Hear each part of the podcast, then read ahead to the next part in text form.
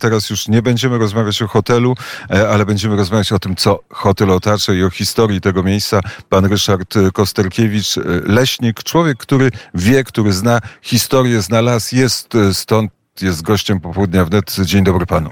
Dzień dobry, witam serdecznie. To od, od czego zaczniemy opowieść? No możemy zacząć odpowiedź od tego, że e, wszystkim, którzy do nas przyjeżdżają i którzy myślą, że przejechali w Bieszczady, tłumaczę, że w Bieszczadach nie są. Do Bieszczad, tych, które są górami z połoninami, jest stąd w, w prostej linii około 80 kilometrów. Natomiast jesteśmy w bardzo pięknym miejscu na granicy pomiędzy górami sanosko-turczańskimi a Pogórzem Przemyskim na wysokości 590 metrów nad poziomem morza, otoczeni lasami. Do najbliższej miejscowości zamieszkałych przez ludzi od hotela Ruamów jest 10 kilometrów. Więc miejsce wyjątkowo ciche, wyjątkowo spokojne, z wyjątkowo czystym powietrzem. Zna pan te lasy? Tak, znam te lasy. Y, byłem akurat, tak się złożyło, że byłem w tej ekipie, która po, y, pod koniec funkcjonowania ośrodka rządowego, zamkniętego ośrodka rządowego, pracowałem wtedy w urządzaniu lasu, tak zwanym urządzeniu lasu. Zostaliśmy wpuszczeni do tych lasów po to, żeby zrobić pierwszą y, inwentaryzację, czyli zbadaliśmy stan zasobów leśnych na tym terenie. Jakie są? Lasy są piękne, natomiast to, co było charakterystyczne wtedy, kiedy tu weszliśmy, to to, że nie było w ogóle młodego pokolenia. Podczas kiedy funkcjonował ośrodek rządowy, teren około 20 tysięcy hektarów miał sztywne ogrodzenie, był cały ogrodzony. W tym ogrodzeniu były specjalne przejścia zrobione dla dzikiej zwierzyny, które pozwalały jej wejść do środka, natomiast nie pozwalały wyjść na zewnątrz. W związku z tym te zwierzyny było naprawdę dużo i mimo, że była ona dokarmiana przez e, wojsko, które tutaj funkcjonowało, które opiekowało się ówczesnym Arłamowem, e, to ona również zjadała, zżerała wszystko, co tylko było w stanie wyrosnąć w lesie. Nie było w ogóle młodego pokolenia, więc tego pokolenia od jednego do 20 lat. I takie było pierwsze zadanie, żeby to młode pokolenie tutaj wyrosło? To było zadanie już dla leśników wtedy, kiedy y, ośrodek rzeczywiście przestał być ośrodkiem rządowym, bo ja mówię o roku 1986. Wtedy jeszcze ośrodek funkcjonował. Dopiero po czterech latach został skomunalizowany, przekazanie gminie Ustrzyki Dolne. E, gmina Ustrzyki Dolne tutaj e, przejęła sam budynek i najbliższe otoczenie, natomiast lasami zajęło się, zajęli się leśnicy z leśnictwa Bircza. No i oni już e, zadbali o to, żeby te lasy wróciły do właściwego stanu. Zwłaszcza, że gro gatunków, te podstawowe gatunki, które tu występują, czyli jodła i bóg, są to gatunki, które w bardzo dobry sposób same się odnawiają. Nie trzeba sadzić tego buka i jodły pod spodem, wystarczy tylko delikatnie przerzedzić starodrzew, a spadłe nasiona wykiełkowują i młody las rośnie sam. Wystarczyło, że tej zwierzyny zmniejszyła się ta ilość tej zwierzyny do stanu, który środowisko było w stanie przyjąć i zaakceptować. W tej chwili nie ma takich szkód o zwierzyny, jak było kiedyś. A jakie są zwierzęta w tym lesie? E, poza żubrami i łosiami praktycznie wszystkie duże zwierzęta. Zachodzą tutaj niedźwiedzie, niektóre gawrują, e, ale przede wszystkim fantastyczne jelenie, fantastyczne dziki, e, rysie, wilki, orły krzykliwe, orliki krzykliwe. Zalatują tu również i gniazdują orły przednie. Całe bogactwo całe bogactwo, cała gama. Między innymi z tego powodu tutaj włodarze z lat 60., 70. E, w naszym kraju wymyślili tutaj ten swój ośrodek, taki wspaniały. No to e, skoro sięgamy do historii, to sięgnijmy i opowiedzmy historię tego, który tym zarządzał. Pan Doskoczyński e, był tutaj księciem, tak był przynajmniej nazywany Czerwony Książę. Rządził tutaj przez wiele lat samodzielnie. Jakie to były rządy? Co wtedy tutaj się działo? E, to właściwie bardziej e, opowieść o legendzie pułkownika Doskoczyńskiego, Kazimierza Doskoczyńskiego, niż o faktach, bo te fakty praktycznie nie są dokładnie znane, ale rzeczywiście między innymi przez to ogrodzenie, e, przez rogatki wojskowe i, i, i to, że teren był zarządzany przez wojsko i wojsko go chroniło, tutaj nikt postronny nie mógł, nie mógł się pojawić. Kiedy pułkownik Doskoczyński otrzymał rozkaz stworzenia takiego ośrodka, wybrał to miejsce na szczycie góry, e, nazwał go Arłamowem, chociaż tak naprawdę w Arłamowie nie jesteśmy. Arłamów to nieistniejąca już wieś, która mm, leży, leżała około dwa kilometry na wschód od tego miejsca, w którym w tej chwili przebywamy. E, zapożyczył tą nazwę Arłamów. E, nazwał to Arłamowem. I rzeczywiście był to ośrodek rządzony twardą ręką różne legendy, różne opowieści świadczą, czy opowiadają o pułkowniku Doskoczyńskim. E, natomiast tak naprawdę nikt e, z nim na ten temat nie był w stanie porozmawiać. Nawet e, Wiesław Białkowski, który napisał bardzo ciekawą książkę, szczerze ją polecam, jest na pewno gdzieś do dostania, Arłamów bez kurtyny, mimo że próbował spotkać się z pułkownikiem Doskoczyńskim, nigdy nie, nie dostał takiej zgody na to, żeby udzielić wywiadu. W związku z tym wszystko, co w tej książce jest, a jest tej historii bardzo dużo, jest taką troszeczkę prozą i y, wytworem wyobraźni dziennikarza, a także opartą na rozmowach z ludźmi, którzy y, tutaj w tym ośrodku pracowali, bo tak jak mówię, wojsko było zarządzało tym, tym ośrodkiem. Ci żołnierze później przeszli do cywila, gdzieś tam się porozjeżdżali po Polsce, ale Wiesław Białkowski zadbał o to, żeby do niektórych z nich trafić, więc te, tych opowieści bardzo ciekawych trochę tam zamieścił. Dużo jest rzeczywiście legend i ciekawych e, opowieści, na przykład opowieść o tym, jak e, polował na niedźwiedzia e, wtedy premier Jaroszewicz.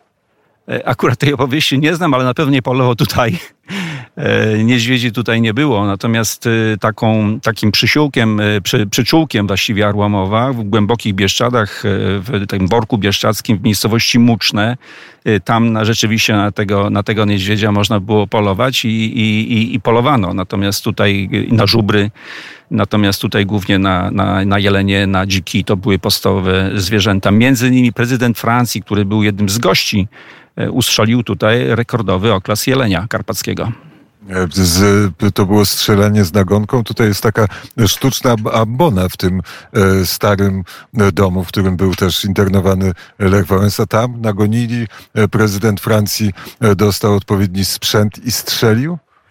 Nie, sądzę, że to nie było tutaj w tym miejscu. Myślę, że to odbyło się w zupełnie innym miejscu. Owszem, były to polowania z nagonką, były różne sposoby na to, żeby ci, którzy mieli coś ustrzelić, rzeczywiście to ustrzelili. Bywały również inne, inne sytuacje. Yy, wbrew temu, co, co kiedyś sądzono, nie było to miejsce, gdzie, gdzie popijano najlepsze trunki, gdzie jedzono yy, najlepsze jedzenie, ponieważ yy, tutaj kucharzyli żołnierze. Tu było wojsko, więc jedzenie było dobre, zdrowe, ale bardzo proste. Prosty. E, jeleń, e, jeleń, dzik e, i parę innych zwierząt rzeczywiście zdrowo, zdrowo się żywili podczas tych polowań, polowań z nagonką. Jeśli dobrze pamiętam, to Jaroszewicz trzy razy był na polowaniu na niedźwiedzia i ani razu mu się nie udało zastrzelić króla Bieszczad czy króla lasów. Raz wprawdzie niedźwiedź padł, ale wyglądało na to, że ten niedźwiedź został zastrzelony przez jego kolegę, bo potem wyciągnęli kulę i to nie była kula Jaroszewicza. E, tak mogło być. Ja niestety tej opowieści nie potwierdzam i nie zaprzeczam.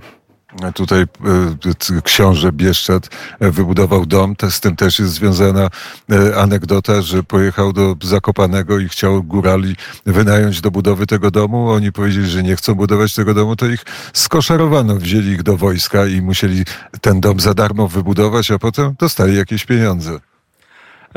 Górale z, spod Tatr budowali nie tylko domek, który tutaj niedaleko od nas jest, ale także cały ośrodek w Trójcy. Tam są cztery drewniane wille wybudowane przez cieści z Podhala. E, I rzeczywiście pułkownik Doskoczyński miał różne sposoby na to, żeby e, namówić ludzi do pracy, a przede wszystkim, żeby wyegzekwować tą pracę. Ja e, zadaję pytanie, ale chętnie bym zamienił się w słuch, zamknąłbym oczy i powiedział, niech pan nas oprowadzi po tych miejscach, po tych lasach, po tych e, całych przestrzeniach bieszczadzkich. Od którego miejsca mamy zacząć? E, zawsze należy zacząć od tego, w którym, w którym jesteśmy, więc mogę powiedzieć, jesteśmy, w medium radiowym, a więc tutaj obraz trzeba opisać, nie widać go. Natomiast mogę powiedzieć tak, szkoda, że Państwa tutaj nie ma z nami, bo jest naprawdę przepięknie. Już mówiłem, jesteśmy na szczycie góry. Góra może niezbyt wysoka, 590 metrów nad poziomem morza, ale widok jest e, praktycznie 360 stopni dookoła tego miejsca. Na w pełni zielony, więc jak okiem sięgnąć lasy, przepiękne lasy jodłowo-bukowe, wyjątkowo czyste powietrze. Niedaleko tutaj, 5 kilometrów od nas, bardzo fajne pasmo wzgórz Połoninek Arłamowskich, które przypominają nieco połoniny bieszczackie, ale nie są ani tak wysokie, ani nie mają tej formy. Natomiast jest to już blisko granicy z Ukrainą, tej naturalnej granicy fizycznej z Ukrainą, z pięknymi widokami, za połoninkami aromowskimi, nieco dalej była wieś Paportno, w której jeszcze można znaleźć e, pozostałości po cmentarzu. E, za Paportnem kolejne połoninki, połoninki tym razem arłamowskie, przepraszam, kalwaryjskie. I za tymi połoninkami kalwaryjskimi Kalwaria Pasławska, jedno z e, najbardziej znanych sanktuariów maryjnych w Polsce, jeżeli możemy mówić o klasyfikacji, drugie po Kalwarii Zebrzydowskiej. E, teren wyjątkowo cichy, spokojny. E, to trudno sobie wyobrazić, ale do 1946 roku ten teren był gęsto zaludniony. Tutaj, gdzie siedzimy, jest poniżej nas jest dolina, 10-kilometrowa dolina, w której były trzy wsie, Jamna Górna, Jamna Dolna i Trójca. Ona ciągnie się na długości 10 kilometrów i w tej dolinie, w tych trzech wsiach mieszkało 3000 ludzi. Wieś Arłamów, o której mówiliśmy, że była dwa kilometry stąd na wschód, również liczyła około tysiąca mieszkańców. Wszyscy oni zniknęli po, po II wojnie światowej mniej więcej 3 czwarte z tych dawnych mieszkańców zostało wysiedlonych na tereny Ukraińskiej Socjalistycznej Republiki Radzieckiej w 1946 roku. Pozostali w 1947 w ramach akcji Wisła zostali wysiedleni na tereny tak zwane odzyskane, e, czyli północne i północno-zachodnie Polski. Teren pozostał pusty i taki pusty pozostaje do dziś. Jesteśmy taką taką wyspą, wyspą e, cywilizacji w morzu przyrody, w morzu nie powiem, że nietkniętej przyrody, bo przecież tutaj leśnicy pracują, ale y, są drogi, ale nie ma tu komunikacji publicznej. To też jest jakiś walor. Ja w ogóle uważam, że to położenie Arłomowa, takie właśnie oddalenie od cywilizacji jest jego największym walorem. Zamieniłby pan to miejsce na jakieś inne na ziemi? E, myślę, że nie. I tutaj powiem taką jedną malutką, malutką dygresyjkę. Ja, y, zdarzało mi się rozmawiać tutaj z pracownikami I tak to było w okresie rykowiska, czyli pod koniec września. I tak mówię do nich, czy wy widzicie, jak tu jest pięknie? Ludzie, którzy pochodzą stąd, z sąsiednich miejscowości, mają to na co dzień jak gdyby nie dostrzegają tego. Ja, mimo że też tutaj byłem codziennie, widziałem, jak tu jest pięknie i tłumaczę im, im mówię do nich, słuchajcie, popatrzcie, tutaj ludzie przyjeżdżają z całego świata, płacą wielkie pieniądze, żeby tu przyjechać a nam płacą za to, że tu jesteśmy. Czy to nie jest wartość dodana pracy w Arłamowie? I tak czuję do dzisiaj. E, a pan y, urodził się gdzieś tu w okolicach? Ja jestem mieszkańcem Przemyśla, urodziłem się w Przemyślu. Także to jest 35, 35 kilometrów stąd. E, I kiedy pan po, raz pierwszy powiedział pan, że w 86 roku po raz pierwszy pan dotarł tutaj do, e, do Arłamowa? Tak, bo byłem już wtedy po studiach, pracowałem w biurze urządzania lasu.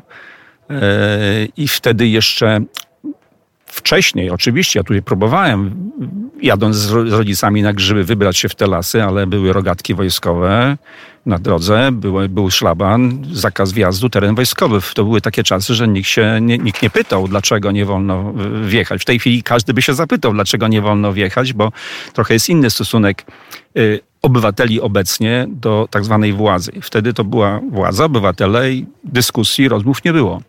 Więc y, dopiero w 1986 roku, mimo że jeszcze był ośrodek, mimo że jeszcze były rogatki wojskowe, to mnie jako pracownikowi Biura Urządzenia Lasu mogłem tutaj wjechać, mogłem tutaj y, powędrować po tych lasach, ale głównie po lasach. Nie, nie wchodziliśmy do tego budynku. Dopiero w roku 90, kiedy obiekt przestał funkcjonować jako obiekt rządowy, kiedy został Arłamów skomunalizowany, przekazany gminie Ustrzyki Dolne. Wtedy mógł już tak praktycznie każdy tutaj przyjechać. Y, przez kilka lat ośrodek nie żył. No, gmina nie miała pieniędzy na to, żeby cokolwiek z nim sensownego zrobić, zwłaszcza, że mm, wszystkie meble z, ze środka zostały wywiezione w momencie likwidacji ośrodka.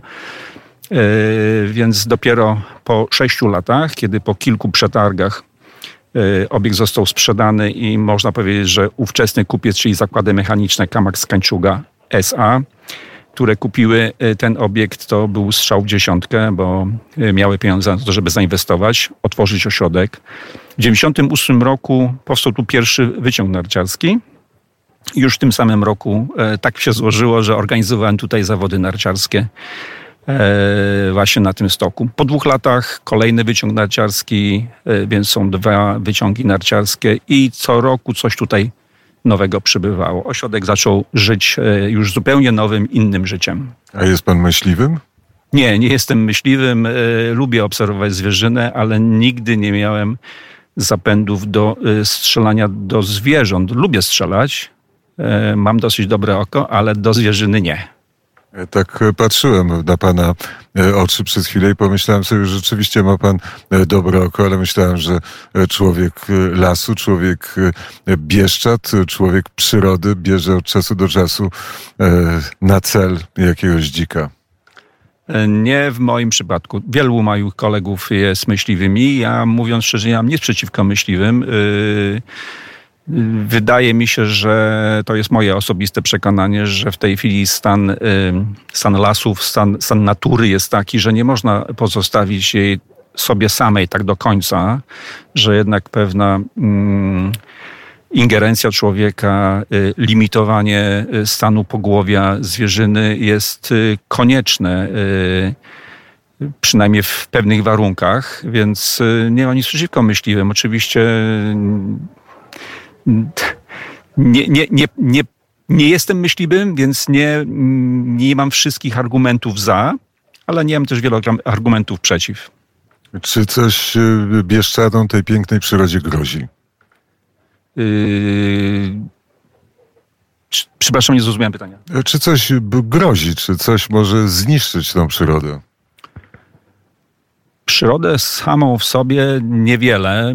Lasy bieszczackie są wyjątkowo odporne dzięki temu, że są to lasy mieszane, czyli jodowo-bukowe przede wszystkim.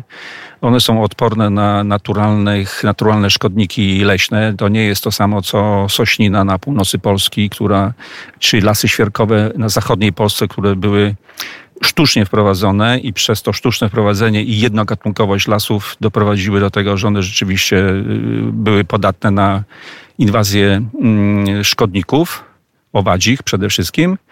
E, lasy bieszczackie są odporne. Zresztą y, jeżeli by się wybrać w Bieszczadę i nie trzeba w Bieszczady, wystarczy tutaj y, widać, co się dzieje.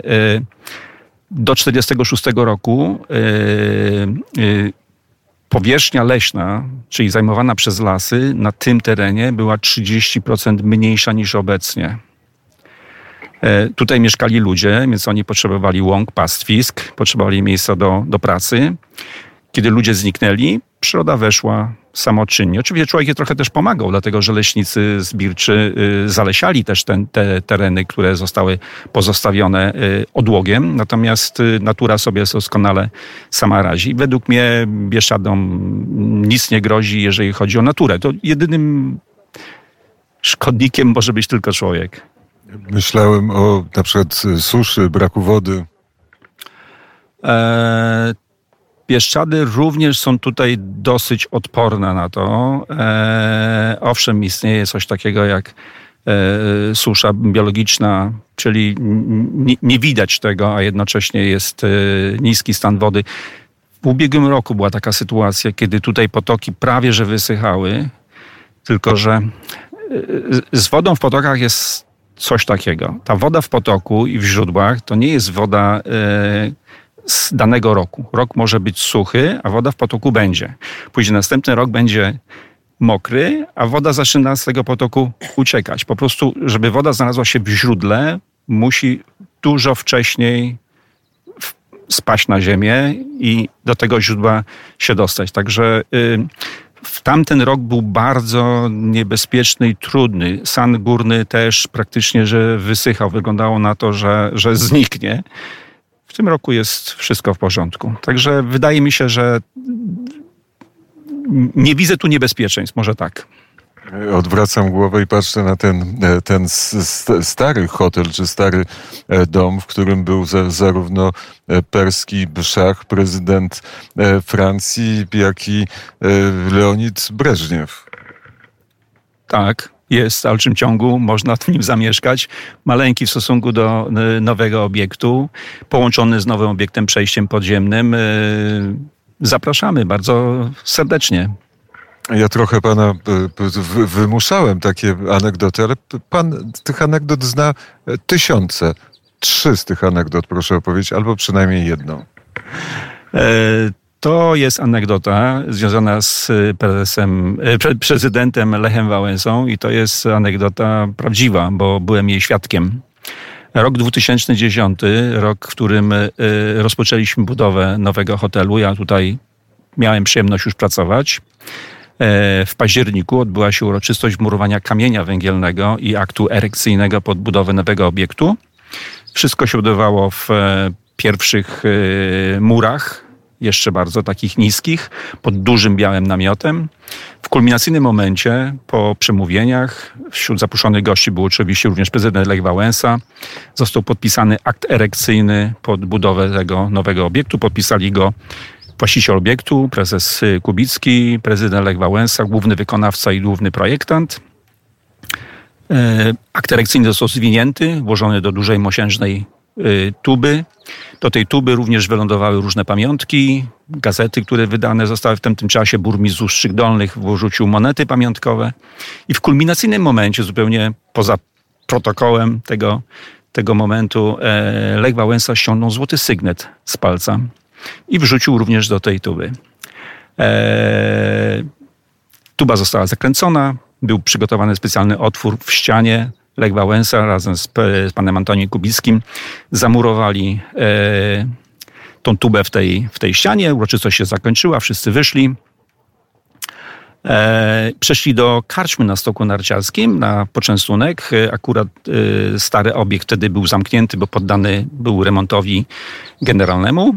E, a ja wróciłem po coś do tego namiotu i patrzę, a tam pracownicy wymurowują z tej ściany świeżo zamurowaną tubę. Więc pytam się, o co chodzi? A oni mówią, no, żeby nikt nie ukradł. Steponujemy to, a później to może zostanie gdzieś tam pokazane albo zamurowane w innym miejscu. E, no trudno. E, później zapytałem się dyrektora biura Lecha Wałęsy, co to za sygnet. Przypominam, rok 2010, październik. Podobno, i to mówię podobno, bo to jest opowieść nie z moich ust. Podobno trzy takie sygnety zostały zrobione z okazji 30-lecia Solidarności. Jeden otrzymał pośmiertnie Lech Kaczyński. Nie wiadomo, co się z nim stało pośmiertnie, bo to był rok 2010, a więc również rok katastrofy smoleńskiej. Drugi sygnet został złożony jako wotum na Jasnej Górze, a trzeci otrzymał Lech Wałęsa i podarował e, nam, czyli wrzucił do tej tuby, taka symboliczne zaślubiny z Arłamowem. I ta przyjaźń Lecha Wałęsy z Arłowem trwa do dzisiaj. E, nie dziwię się, w końcu spędził w tak pięknym miejscu pół roku swojego internowania. To prawda, to prawda. Pół roku internowania. E, wiele osób mówi, że chciałoby być zamknięty w takiej klatce, no ale ja mówię, klatka e, złota czy nie złota, ale klatka. A kim jest pan Antoni Kubicki? Prezes Antoni Kabicki jest prezesem, czy był prezesem Kamaksu Kańczuga. To źle zadałem pytanie. Jaki jest? A, jaki jest? Eee... To jest dobre pytanie, bo prezes Kubicki jest y, nieodgadniony, tak bym powiedział. E, jest człowiekiem z pewnego rodzaju wizją. E, nie wszystkie jego pomysły i jakby nie było narzucane zdania nam, pracownikom, w pierwszym momencie wydają się fajne i dobre do przyjęcia. Czasami się dziwimy. Sam pomysł budowania tutaj tego wielkiego hotelu na końcu świata wydawał się wtedy nam, pracownikom, bo tak jak mówię, pracowałem wtedy, pomysłem wydawało nam się chybionym. No, kto tu przyjedzie na koniec świata? Tu nie ma, nie ma komunikacji.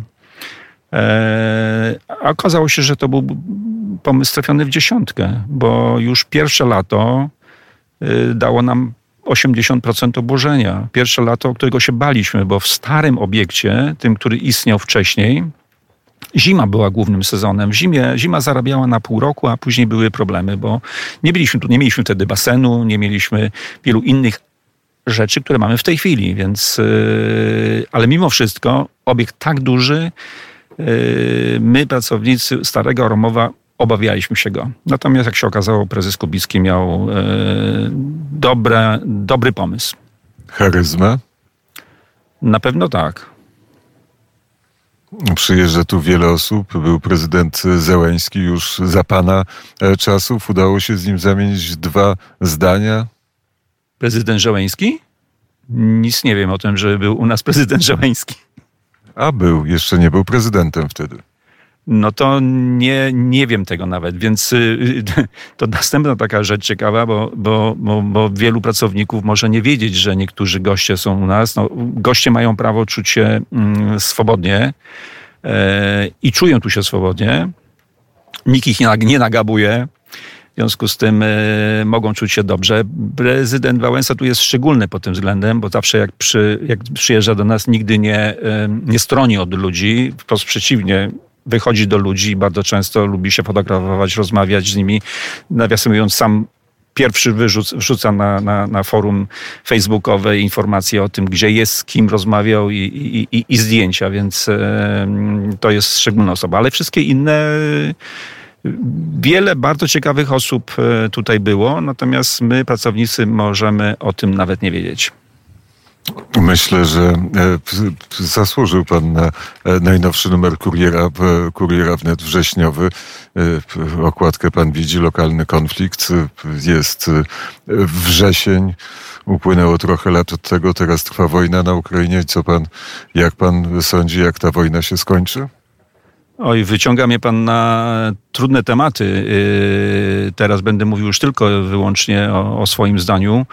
Przede wszystkim mam nadzieję, że to skończy się dobrze, ogólnie rzecz biorąc, a dobrze to oznacza dobrze dla Ukrainy. Yy, ja mówiłem o tym, co tu się działo yy, po wojnie i to, że teren jest wyludniony, to efekt wojny.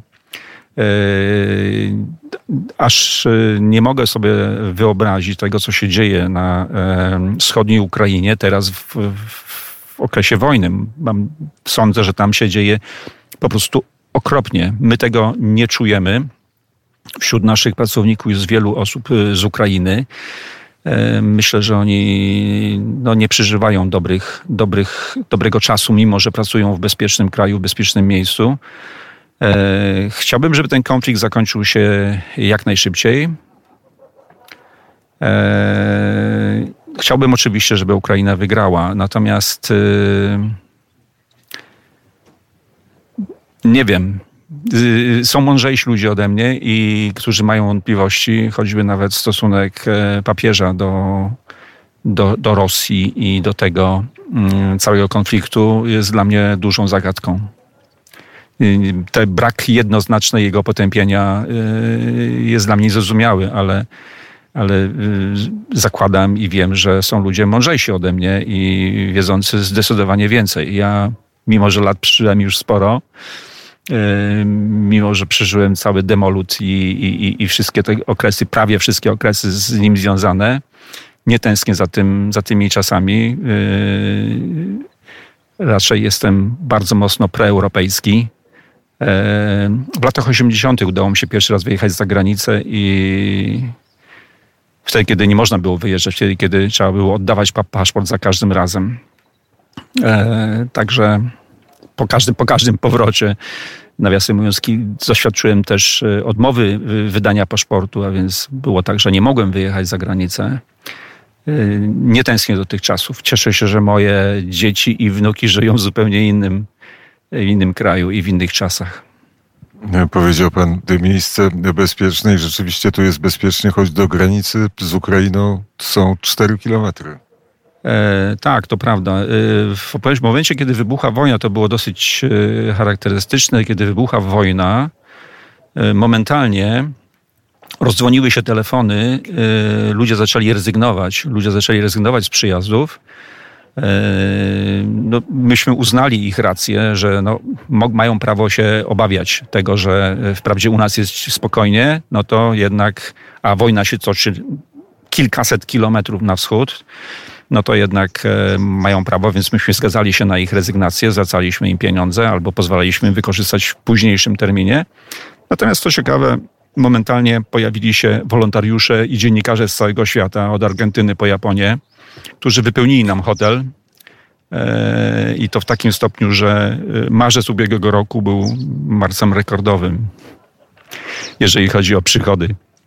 E, Zna pan tego pana, który teraz usiadł naprzeciwko pana? E, oczywiście, że znam. A kto to jest? Szef, e, szef kuchni, super kucharz, a obecnie dyrektor gastronomii. Chociaż boi się używać tego stanowiska jeszcze. Dobrze gotuje? Bardzo dobrze. A jaką e, potrawę z ręki tego pana pan najbardziej lubi? E, Zdarzyło mi się jeść potrawę z ręki tego pana przy podobnym spotkaniu, e, gdzie też e, rozmawiano ze mnie i była to, była to jakaś dziczyzna. Nie powiem w tej chwili potrawy, bo to było chyba ze dwa lata temu, ale to była jakaś dziczyzna. Ale bo można się do e, szefa kuchni, dyrektora gastronomii zwra- zwracać mistrzu? Zawsze i tylko i wyłącznie.